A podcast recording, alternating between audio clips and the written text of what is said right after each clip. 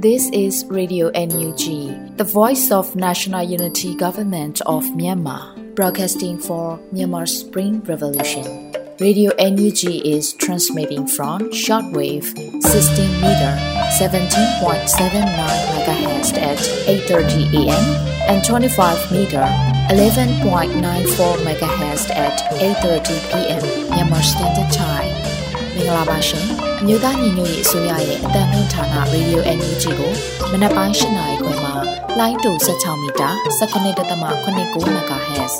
ညပိုင်း၈နာရီခွဲမှာလိုင်းတူ25မီတာ17.6 MHz တို့မှာဓာတ်ရိုက်ဖမ်းယူနိုင်စေနိုင်ပါရှင်။မင်္ဂလာအပေါင်းနဲ့ပြည့်စုံကြပါစေ။အခုချိန်ကစပြီး Radio NUG အစီအစဉ်လေးကိုဓာတ်ရိုက်အတန်လွှင့်ပေးနေပါပြီရှင်။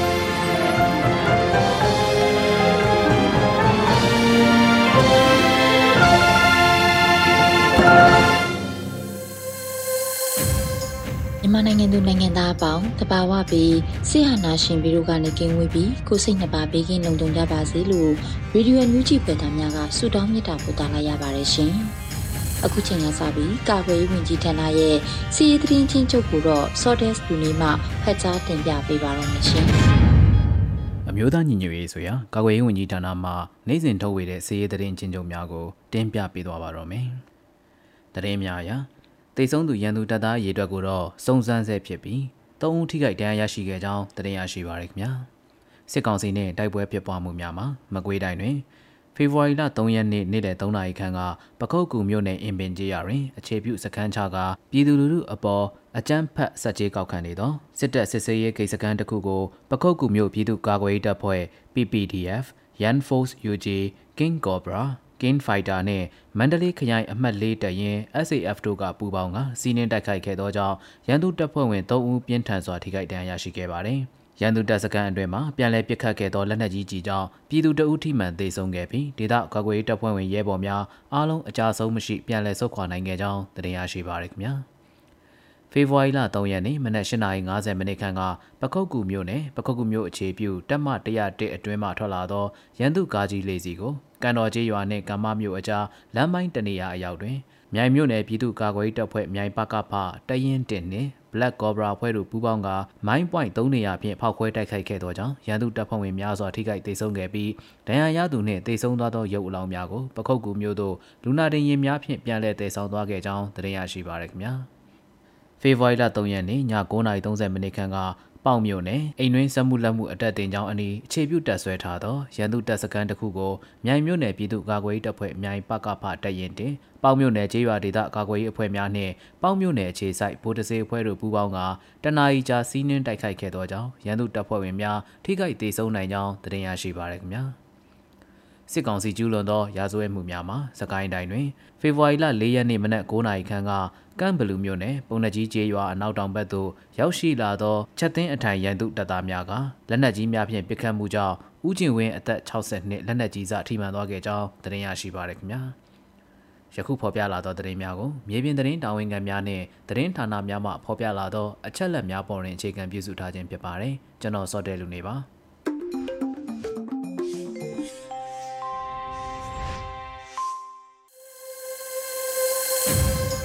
ဗီဒီယိုညူချီရဲ့မနက်ခင်းစီစဉ်တွေကိုဆက်လက်တင်ပြနေပါတယ်။အခုဆက်လက်ပြီးနားဆင်ကြရမှာကတော့နောက်ဆုံးရသတင်းများဖြစ်ပါတယ်။မျိုးဦးနှင်းစီကဖတ်ကြားတင်ပြပေးထားပါတယ်ရှင်။မင်္ဂလာပါရှင်။အခုချိန်ကစပြီးရေဒီယိုအယူကြီးရဲ့မနက်ပိုင်းပြည်တွင်သတင်းများကိုတင်ဆက်ပေးပါတော့မယ်။ကျွန်မကတော့နှွေဦးနှင်းစီပါရှင်။ အိန္ဒိချင်းနိုင်ငံတွေနဲ့အစဉ်ပြေချုံးမွေအောင်ဆက်ဆက်မယ်ဆိုတဲ့မူဝါဒရှိပြီးသားဖြစ်တယ်လို့ယာယီသမတာပြောကြားခဲ့တဲ့သတင်းကိုတင်ဆက်ပေးပါမယ်။ဖေဖော်ဝါရီလ3ရက်နေ့အမျိုးသားညီညွတ်ရေးအစိုးရယာယီသမတာဒူဝါလရှိလာနဲ့တွဲဆုံမေးမြန်းခန်းတစ်ခုမှာယာယီသမတာကကျွန်တော်တို့အနေနဲ့ခံယူထားတာကလည်းအိန္ဒိချင်းနိုင်ငံတွေတရုတ်အိန္ဒိယ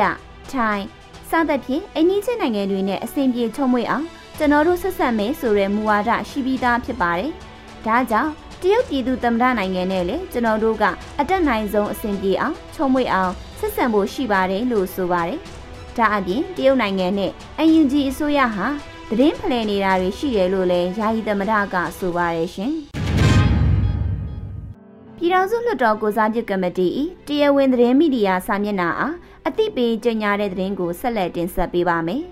။ပြည်ထောင်စုလွှတ်တော်ကိုစားပြုကမတီ၏ တရားဝင်သတင်းမီဒီယာစာမျက်နှာများအားဖေဖော်ဝါရီ၄ရက်နေ့မှာပြည်ထောင်စုလွှတ်တော်ကိုစားပြုကမတီကဖော်ပြပါရယ်။ပြည်ထောင်စုလွှတ်တော်ကိုစားပြုကမတီအနေဖြင့်ရခိုင်ကအသုံးပြုခဲ့သော Twitter စာမျက်နှာ twitter.com/crph မြန်မာအစား twitter.com/crph in မြန်မာကိုတရားဝင်အသုံးပြုသွားမှာဖြစ်ကြောင်းနှင့်ပြည်သူများအနေဖြင့် follow လုပ်ထားပေးကြပါရန်မြစ်တာရက်ခံအသိပေးအပ်ပါတယ်လို့ဆိုထားပါတယ်။ ပြည်ထောင်စုလွှတ်တော်ကိုစားပြုကမတီ၏တရားဝင် website ကိုလည်းအသစ်ပြုပြင်၍30ရက်တလ2023ရက်နေ့မှစပြီး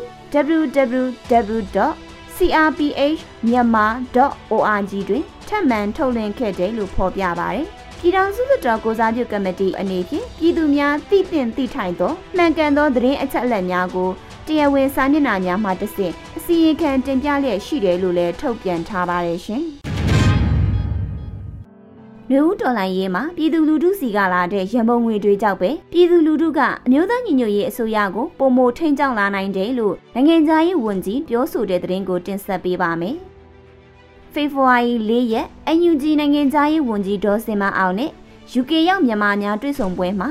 ဝန်ကြီးကပြည်သူလူထုစီကလာတဲ့ရပုံငွေတွေကြောင့်ပဲပြည်သူလူထုကကျမတို့ကိုပုံမထိန်ကြောင်းလာနိုင်တယ်လို့မြင်တယ်ဒီတော်လန်ရေးဟာလူထုတော်လန်ရေးဖြစ်တယ် လူထုတော်လှန်ရေးဖြစ်တဲ့အတွက်ပြည်သူလူထုကသူတို့လွတ်လပ်ခွင့်နဲ့လွတ်လပ်မှုတွေအတွက်အမြဲတမ်းပေးဆက်နေတာဖြစ်တယ်။လုံအားနဲ့ပါဝင်နိုင်တဲ့သူကလုံအားပေးတယ်။အသက်ပေးနိုင်တဲ့သူကအသက်ပေးသွားတယ်။ဒီတော်လှန်ရေးဟာထူးကဲတဲ့တော်လှန်ရေးဖြစ်တယ်လို့ဝန်ကြီးကဆိုပါတယ်။လက်ရှိမှာအထူးငွေတိုက်စာချုပ်အပါအဝင် EOD ရှယ်ယာများရောင်းချငွေမှ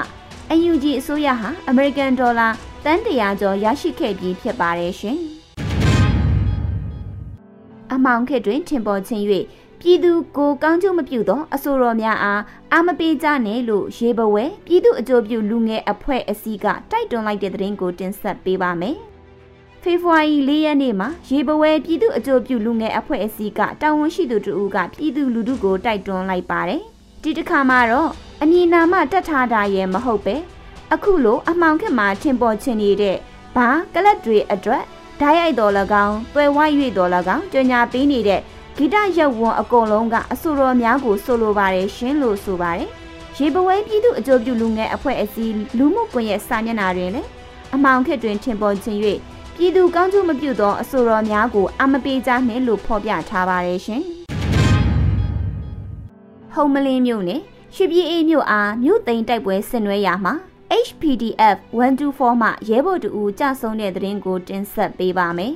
။စကိုင်းတိုင်းဟုံမလီမြို့နယ်ရွှေပြည်အေးမြို့အားမြို့သိမ်းတိုက်ပွဲဆင်နွှဲရမှာ HPDF 124မှရဲဘော်တူကြဆုံးခဲ့ပါတယ်။ဖေဖော်ဝါရီ၄ရက်ခန်းတီခရိုင်တရင်တက်ကအသိပေးဖော်ပြပါတယ်။ဖေဖော်ဝါရီ၁ရက်နေ့မှစတင်ကဟုံမလီမြို့နယ်ရွှေပြည်အေးမြို့အားခန်းတီခရိုင်တရင်တက်နဲ့ PDF မဟာမိတ်တပ်ပေါင်းစုများ မြို့သိမ်းတိုက်ပွဲဆင်နွှဲခဲ့ကြပါတယ်။၃ရက်နေ့အထိရန်သူဤရေလေကုန်းစစ်ကြောင်းကြီး၃ကြောင်းဖြင့်စက်တိုက်ထိုးစစ်ဆင်တိုက်ပွဲတွင် HPDF 124မှရဲဘော်နိုင်လူအသက်26နှစ်သည်ရွရွချွန်ချွန်တိုက်ပွဲဝင်ရင်နနက်7နာရီအချိန်ခန့်တွင်တိုက်ပွဲတွင်ဂုံယူပြောင်မြောက်စွာဖြင့်ကြာဆုံးသွားခဲ့ပါတယ်လို့ဆိုပါတယ်။ရဲဘော်နိုင်လူအတွက်ဟုံးမလင်းမြို့နယ်ပြည်သူ့ကာကွယ်ရေးတပ်ဖွဲ့ HPDF 124ရဲဘော်များအားလုံးမှမိသားစုနဲ့ထပ်တူဝမ်းနည်းကြေကွဲရပါတယ်လို့ဆိုပါတယ်ရှင်။ဆိုင်နိုင်ကွေးမှာရွှေဘူဘတ်ထွက်ခွာလာသောစစ်ကောင်စီတပ်များပါသည့်စနဘိန်ကားတစ်စီးကိုဆိုင်နိုင်ကြီးဆိုင်နိုင်လေးကြားအရောက်ပရိသာမိုင်းများခွဲ၍တိုက်ခိုက်ခဲ့တဲ့တဲ့ရင်ကို တင်ဆက်ပေးပါမယ်။ဖေဖော်ဝါရီ၄ရက်နေ့မှာစီရီတဲ့ရင်ကိုရွှေဘူခရိုင်အမှတ်23တရင်ကအတီးပြုဆိုပါတယ်။ ဖေဖော်ဝါရီ၄ရက်နနက်၈နာရီအချိန်ခန့်တွင်စိုင်းနိုင်ကွင်းမှရွှေဘိုဘက်ထွက်လာတော့၁၂ဘိန်းကားတစ်စီးကိုစိုင်းနိုင်ကြီးစိုင်းနိုင်လေးကြားအရောက်ရွှေဘိုခရိုင်အမှတ်23တရဲမှဘိုးနေမင်းနှင့်ဘိုးရေးဝေးဦးဆောင်သောတက်စုနှင့်ဒေသခံပကဖများပူပေါင်း၍ပဒေသာမိုင်း6လုံးဖြင့်တိုက်ခိုက်ခဲ့ပါတယ်လို့ဆိုပါတယ်။မိုင်းထီ၍စနဘိန်ကားလမ်းဘေးသို့ထိုးရက်က ဆက်လက်ငယ်များဖြင့်ရန်တမ်းပစ်ခတ်ခဲ့၍ပြန်လည်ဆုတ်ခွာလာခဲ့တယ်လို့ဆိုပါတယ်။ဒေသခံပြည်သူများပြောကြားချက်အရစစစ်ကောင်စီတပ်က3ဦးထပ်မံတေဆုံးကဒဏ်ရာရရှိသူအများအပြားရှိနိုင်ကြောင်းသိရှိရပါတယ်ရှင်။နဘူးအိုင်မှာမြင်းချန်တို့ထွက်ခွာလာသောအင်စီကာကိုမိုင်းခွဲတိုက်ခိုက်ရာစစ်ကောင်စီတပ်က2ဦးသေဆုံးတဲ့တဲ့ရင်ကိုတင်ဆက်ပေးပါမယ်။ဖေဖော်ဝါရီလ4ရက်မွန်းလွဲ12:30အချိန် နဘူးအိုင်မှမြင်းချန်သူထွက်ခွာလာသောအိမ်စီကားလေးတစ်စီးသည်စစ်ကောင်စီတပ်က6ဦးကိုတင်ဆောင်လာကြောင်းသတင်းအရချွေချန်သားပျောက်ကြားတပ်ဖွဲ့မှဒေတာမိုင်း6လုံးတွဲဖြင့်နဘူးအိုင်မြင်းချန်လိုင်းပိုင်းတနေရာတွင်မိုင်းဆွဲတိုက်ခိုက်ခဲ့တယ်လို့ဖေဖော်ဝါရီလ4ရက်နေ့မှာစစ်ရေးသတင်းကိုချွေချန်သားပျောက်ကြားတပ်ဖွဲ့ကဆိုပါတယ်မိုင်းထီ၍စစ်ကောင်စီတပ်က2ဦးသေပြီးဒဏ်ရာရရှိခဲ့သူတွေလည်းရှိတယ်လို့မြေပြင်သတင်းအရသိရှိရပါတယ်ရှင်။ မွန်ပြည်နယ်လမိုင်းမြို့နယ်ခွဲကနင်ကမော့နှင့်အောင်သာယာကျေးရွာအကြားဗိုလ်ကြီးအဆင့်ရှိသူတဦးကို အရှင်ဖမ်းမိတဲ့တဲ့ရင်ကိုဆက်လက်တင်ဆက်ပေးပါမယ်။ဖေဖော်ဝါရီ၄ရက်မွန်လွယ်ပိုင်းရေးမာမော်လမြိုင်သို့အာရှလမ်းမကြီးအတိုင်းမောင်းနှင်လာသောမတ်တူရွှေငါအဖြူရောင်ကိုစစ်စေးရန်ကားတရာမှာအပြန်အလှန်ပစ်ခတ်မှုဖြစ်ပွားပြီးဗိုလ်ကြီးဆိုသူကိုဖမ်းမိခဲ့တယ်လို့ရေးပြောက်ကြားတပ်ဖွဲ့ကဆိုပါတယ်။မွန်ပြည်နယ်လမိုင်းမြို့နယ်ခွဲ ကနင်ကမော့နှင့်အောင်သာယာကျေးရွာအကြားတည်င်းအရစောင့်ဆိုင်နေစဉ်ရေးမမော်လမြိုင်တို့အာရှလမ်းမကြီးအတိုင်းမောင်းနှင်လာသောမတ်တူရွှေငါအဖြူရောင်အားစစ်ဆေးရန်ရက်တန့်ရာစတင်ပစ်ခတ်ပြီး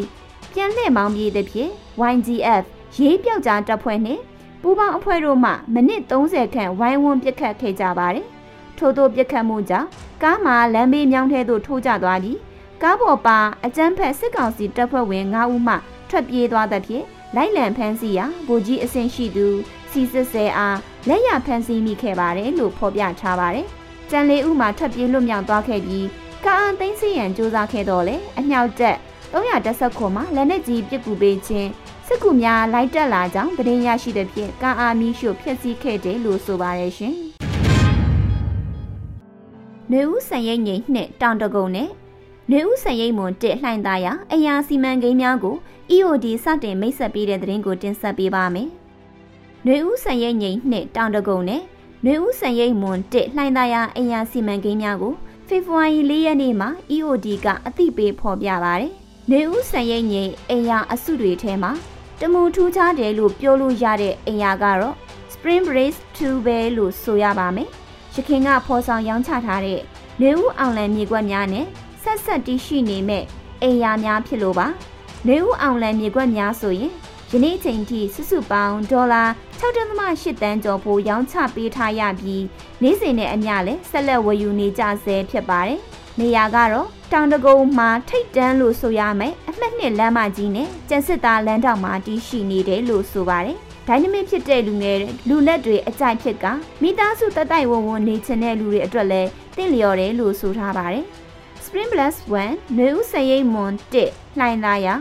လှိုင်သားရလို့ကြားလိုက်တာနဲ့နှွေဦးတော်လန်ရဲ့အဆောက်အဦမှာစနာပြပွဲတွေချစ်ချိန်တဲ့ဖော်ထုတ်ခဲ့ရာအတမဖြိုခွင်းမှုတွေကိုရွရွချွန်ချွန်တွန်းလှန်ရင်းပြည်သူရာကနေမြအသက်ပေတိုက်ပွဲဝင်သွားခဲ့ကြတာကိုအရင်ဆုံးအောက်မေ့ရင်လေးမြက်ဥညွတ်မိပါတယ်။တော်လန်ထောက်ဖို့ပြည်သူများခွန်အားအပြည့်နဲ့ထိတ်ဝင်နိုင်ဖို့ရာရောင်းချပေးမယ်။နှွေဦးစံရိတ်မွန်1 လှိုင်သာယာရဲ့စိတ်ဝင်စားဖွယ်အခင်းအကျင်းလေးကိုရှင်းပြလိုက်ပါတယ်။လှိုင်မြစ်ကန်ရဲ့တခေါ်စွာအကွာအဝေးဘီးနောင်တရားအစင်းဘဲဘက် FMI City နဲ့မျက်နှာချင်းဆိုင်မှာတည်ရှိပါတယ်လို့ဆိုပါတယ်။လက်တလုံးမှာဝယ်ယူလိုသူများအနေနဲ့ EOD ကိုယ်စားလှယ်များကိုအမြန်ဆုံးဆက်သွယ်စည်ရင်ပေးနိုင်ပြီးဖြစ်ပါတယ်ရှင်။ယခုတင်ပြပေးခဲ့တဲ့သတင်းတွေကို Radio UNG သတင်းထောက်မင်းမင်းကပေးပို့ထားတာဖြစ်ပါတယ်။ စစ်တီတော်ကျင့်ဝတ်စည်းမျဉ်းများ၁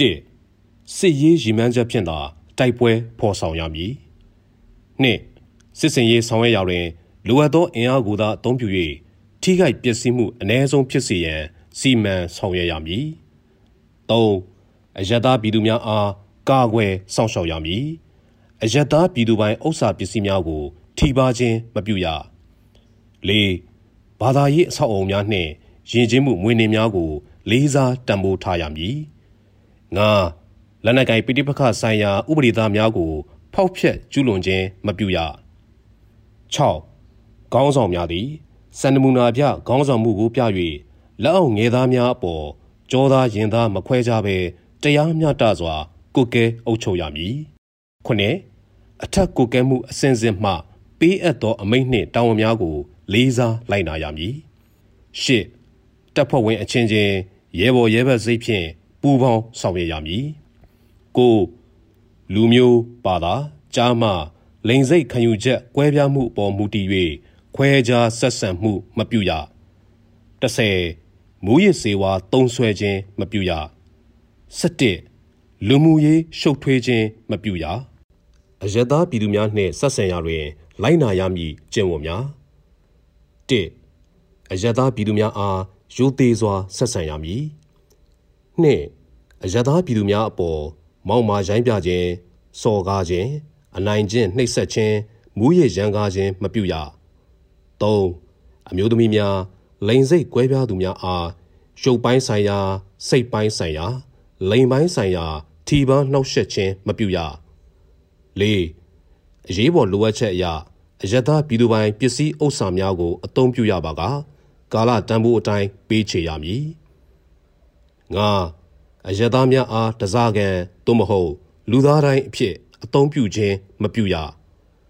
6ကလေးသူငယ်များမတန်ဆွမ်းသူများ အမျိုးသမီးများတကြီးရွယ်အိုများစသည့်ထိရှလွယ်အုပ်စုများ vulnerable groups အားအထူးကာကွယ်စောင့်ရှောက်ပြီးလိုအပ်သည့်အကူအညီများပေးရမည်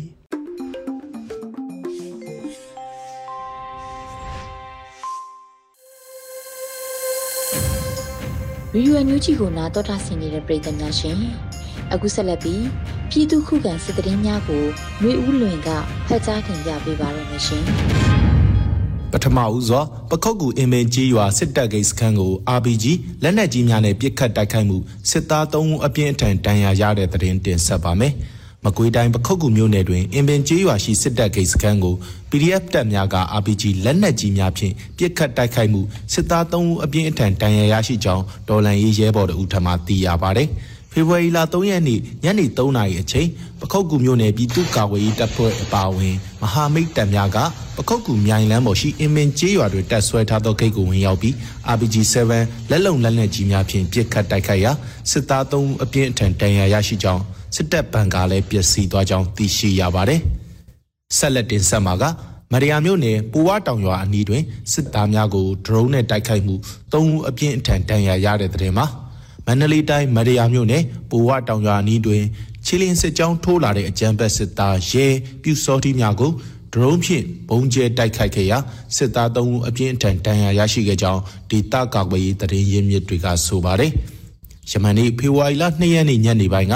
မရယာမြို့မှာအကြမ်းဖက်စစ်သားရဲပြူစောတိများဟာရှင်လာတောင်ရွာရှိအကြမ်းဖက်စစ်သားများနဲ့ပူးပေါင်းမှုခြေချင်းထွက်ခွာလာစဉ်မှာပူဝါတောင်ရွာအနီးအရောက်ပြည်သူ့ကာကွယ်ရေးတပ်ဖွဲ့များမှဒရုန်း၃စီးဖြင့်ဘုံဒီလေးလုံးကျဲချတိုက်ခိုက်ခဲ့ရာအကြမ်းဖက်စစ်သားပြူစောတိရဲ၃ဦးအပြင်းအထန်ဒဏ်ရာရရှိခဲ့ခြင်းဖြစ်ကြောင်းသိရပါတယ်။ အကြမ်းဖက်စစ်သားများထွက်ပြေးသွားတဲ့နေရာကိုနေမြေရှင်းလင်းရေးလှုပ်ဆောင်ခဲ့ရာဦးစီးကြီးပေါက်တစ်ခုကြီးဆယ်တော့အုတ်ထုတ်ဓမီတမ်းများသည့်မုံများပါဝင်တဲ့ကြောဘိုးအိတ်တလုံးကိုတင်ဆက်ရရှိခဲ့ကြောင်းသိရပါတယ်။ဆက်လက်တင်ဆက်မှာကမြင်းမှုမြို့နယ်ထီဆောင်ကျေးရွာစကားစစကန်ကို PDF တပ်ပေါင်းစုကတိမ့်ပိုက်ရှင်းလင်းပြီးလက်နက်များရရှိတဲ့တဲ့တင်မှာစကိုင်းတိုင်းမြင်းမှုမြို့နယ်စစ်ကောင်စီထီဆောင်ကျေးရွာစစ်စခန်းကို PDF တပ်ပေါင်းစုကတိမ့်ပိုက်လိုက်ပြီး စစ်သား15ဦးသေဆုံးကလက်နက်နှစ်လက်နဲ့ခဲယမ်းစစ်အုံဆောင်များတင်ဆက်ရမိကြောင်းမဟာမိတ်တပ်ပေါင်းစုတရင်ရမြစ်ကဆိုပါတယ်။ဖေဖော်ဝါရီလ၄ရက်နေ့မနက်တနာရီမှစတင်ပြီးမြင်းမှုမြို့နယ်ထီဆောင်စစ်စခန်းကိုမဟာမိတ်တပ်ပေါင်းစုကဝင်ရောက်တိုက်ခိုက်ခဲ့ပြီးမနက်၄နာရီအချိန်မှာသိမ်းပိုက်နိုင်ခဲ့ခြင်းဖြစ်ကြောင်းစစ်ကောင်စီဘက်မှ15ဦးခန့်သေဆုံးပြီး MA3 တက်လက်ကြီးပေါက်တစ်ခု5.56 G 18တောင်ကားပိုင်တနက်တက်လက်ကြီးပေါက်3ခုကားပိုင် G 104တောင်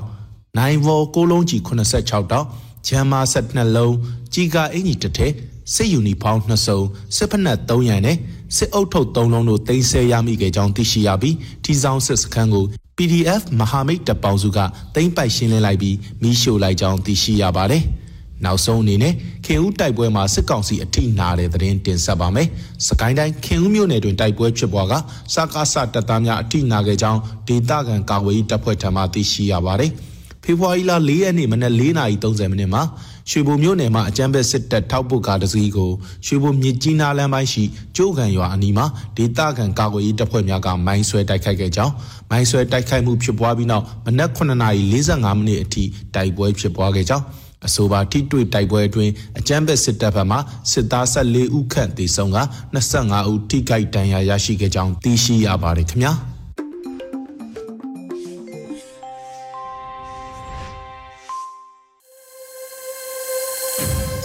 ရေဒီယိုညူချီမှာဆက်လက်တမ်းလွှင့်နေပါတယ်။အခုတစ်ခါ PPTV ရဲ့နေ့စဉ်သတင်းများကိုတော့ထက်ထက်အင်ဒရာကဖတ်ကြားတင်ပြပေးပါရမရှင်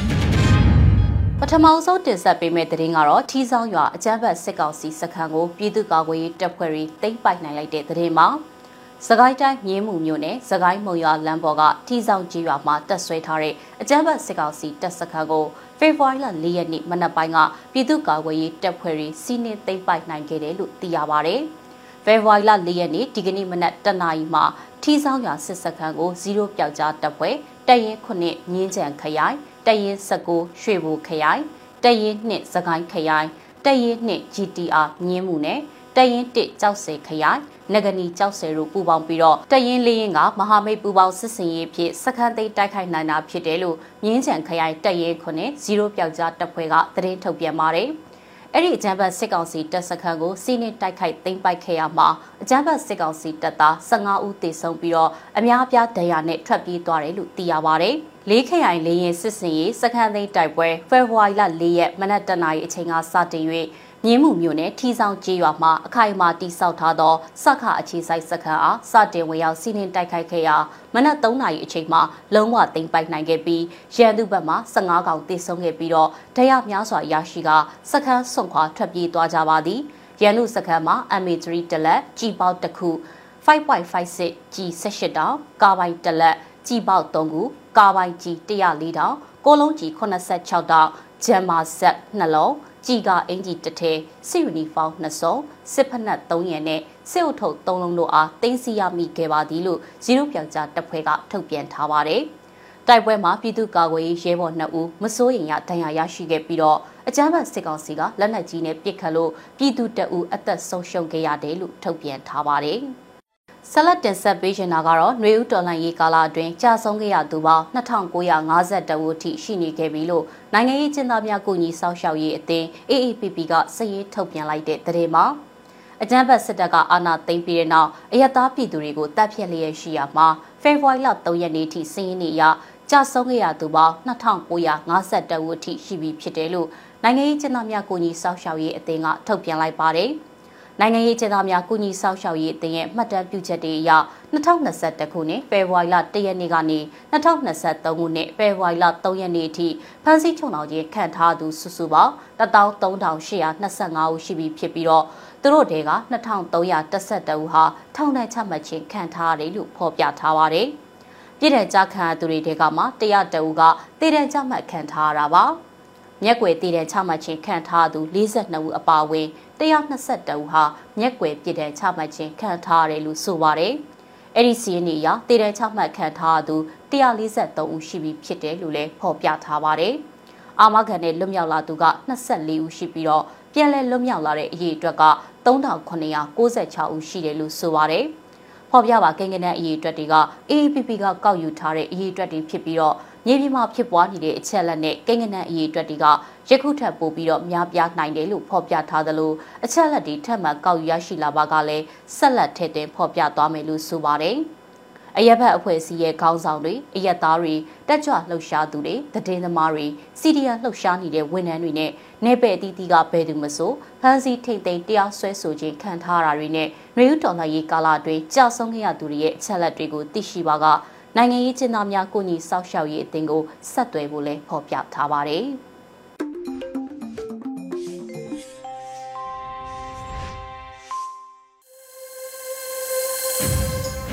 ရေဒီယိုညူချီကိုနားတော်တာဆင်နေတဲ့ပရိသတ်များရှင်အခုဆက်လက်ပြီးထုတ်လွှင့်ပေးမှာကတော့တိုင်းရင်းသားဘာသာစကားနဲ့သတင်းထုတ်လွှင့်မှုအနေနဲ့ချိုးချင်းဘာသာစကားခွဲတစ်ခုဖြစ်တဲ့မွန်ဘာသာစကားဖြင့်သတင်းထုတ်လွှင့်မှုကိုနားဆင်ကြရတော့မှာဖြစ်ပါတယ် ဒီအစီအစဉ်ကို Radio NUG နဲ့ချိုးချင်းဘာသာစကားသတင်းထုတ်လွှင့်မှုခွဲတို့ကပူးပေါင်းတင်ဆက်ပေးထားတာဖြစ်ပါတယ်ရှင် ang phang nyama ko kru thuri minga ba khani atu wang thuri le ju min da mang ro ung pi ro yung angri sino ka na phua kyang sup chi alim na op ki tia mo kyo khong op ki mang ro khri lam nyama ko wan mang ro thum kim le khru angri sino ma shelo apina op ki tia mo pi minga khani chu ti ak thum na le ju လူတော်ထိုင်ရင်အောင်ဘရီလောယုံစီတီမာရီငမယာရာဘိုင်ရီအောက်ဒမ်ပင်နာအော့ခါဂျာအန်ယူဂျီနိုပရနောင်တူအန်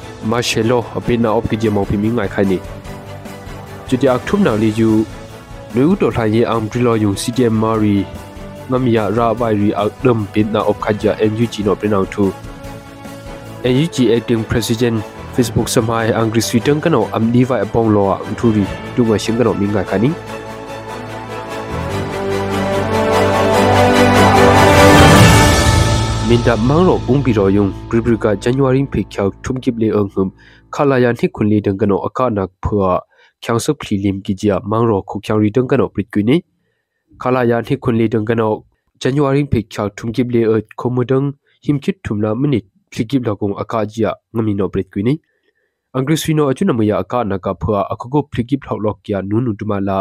အခုကုမ်ရှလင်းဖန်ကရမ်ကူအင်္ဂလာအင်ဖုံဖူမီချောင်စုထုမ်အလင်နာအော့ ကီဂျာပရစ်ကွီနီ limkia khangsuk phlia dunga imduma la modo tuma chumpi alina opkija minta mangro mangro khu khyari dunga no pritkwini khogum phram gulam gulik thum january phe kya khyod akrung minta mangro akrung angrusino khan yong yong kana la hongwi saryon jumne ka na phwa limkia khyang khangsuk ko khuda lo ne imdung shwada dum du ba ke dina opkija minta mangro mangro utna tunga no thu an shona gung ga no phadai yakini ဟာခါမန်ရောဖလမန်ရောတီတင်မန်ရောသန္ဒလမန်ရောမဒူပီလာဒွမ်ဇမ်ကမ်လေမန်ရောအင်္ဂရိစီနိုဖေဘရင်ကိုချာရင်းဟမ်မာရှေလိုအပိနာအော့ကီနီအင်္ဂရိစီတန်ကနောအာနာအရူနာခုကုမ်ဖရမ်ကူလမ်ဂူလေအဒုံအခဆုဘယစနေအင်္ဂရိစီတလော့ကီယမင်တမန်ရောလေကျူခုကုမ်ဖရမ်ကူလမ်ဂူလေအဒမင်းထုတ်ချာရှလိကထုမှုမာရှေလိုအပိနာပရိယော့ကီနီအင်္ဂရိစီတန်ကနောမာရှေလိုအပရင်နာရီယုံလေကျူချိုကိုအမ်ဇုံတုံအုံကီယာပလေဝမန်ရောကျူအပရင်နာကမှုဒူနီ khogum phram gulam gulek tum angrisino ana aruna khogum roi ebena gung kaya kayin chokula mon sakainla tanin dai magui pogo khunung ka mangronu thumkip lek shring leju angrisi dangano ma shelo aham bina opkia kya kini angrisino ana aruna kayum ne ctm bikia khobi bik khyang ria pho leju neu tol ha ye angbri kona ngamya ra tang wai ri la ngami tam khana ri op khaja ngug dangano febrin ko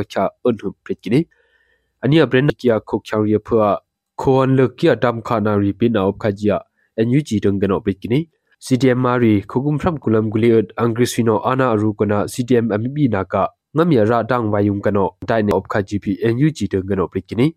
ajun maya brina li ju khugum phram kulam gulitum febrin ko cha adung kano dunne KYJP bikini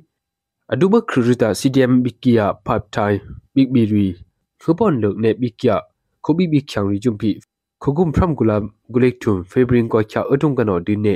khobi bi khyangri kya kijia pritkini angri sidang kano ana arum kano dinne ctm mari camera phaya ngamyang khreng na ri chumpi NUG dang kano avan donne abe bana op khajia ngamya brinna gung leju opkini အမျိုးသားညီညွတ်ရေးဆိုရ NUG ရ Acting President ဒူဝါလရှိလာရ Facebook စမိုင်း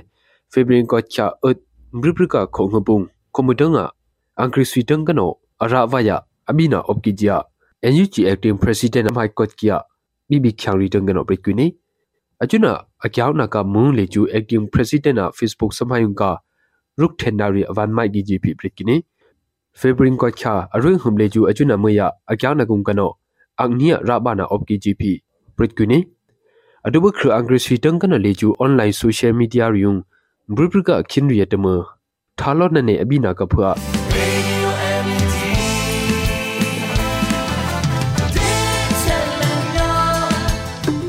ဒီကနေ့ကတော့ဒီညနဲ့ပဲ Radio NUG ရဲ့အစီအစဉ်လေးကိုခਿੱတရနာလိုက်ပါမယ်ရှင်။မြမစံတော်ချိန်မနက်၈နာရီခွဲနဲ့ည၈နာရီခွဲအချိန်တွေမှာပြန်လည်ဆုံတွေ့ကြပါစို့။ Radio NUG ကိုမနက်ပိုင်း၈နာရီခွဲမှာလိုင်းတူ16မီတာ17.8 MHz ညပိုင်း၈နာရီခွဲမှာလိုင်းတူ25မီတာ17.6 MHz တို့မှာဓာတ်ရိုက်ဖမ်းလို့နိုင်စေနိုင်ပါပြီ။ မြန်မာနိုင်ငံသူနိုင်ငံသားတွေကိုစိတ်နှပြကျန်းမာချမ်းသာလို့ဘေးကင်းလုံခြုံကြပါစေလို့ Radio NUG အဖွဲ့သူဖေသားတွေကဆုတောင်းမြတ်တာပို့တာနေပါတယ်ရှင်။မြေသားမျိုးတွေအစိုးရရဲ့စက်တော်ရင်သတင်းအချက်အလက်တွေလုပ်ပညာဝန်ကြီးဌာနကထုတ်လွှင့်နေတဲ့ Radio NUG ဖြစ်ပါတယ်။ San Francisco Bay Area အခြေစိုက်မြန်မာမိသားစုတွေနဲ့နိုင်ငံတကာကစေတနာရှင်တို့အားပေးနေတဲ့ Radio NUG ဖြစ်ပါတယ်။အရေးတော်ပုံအောင်ရမည်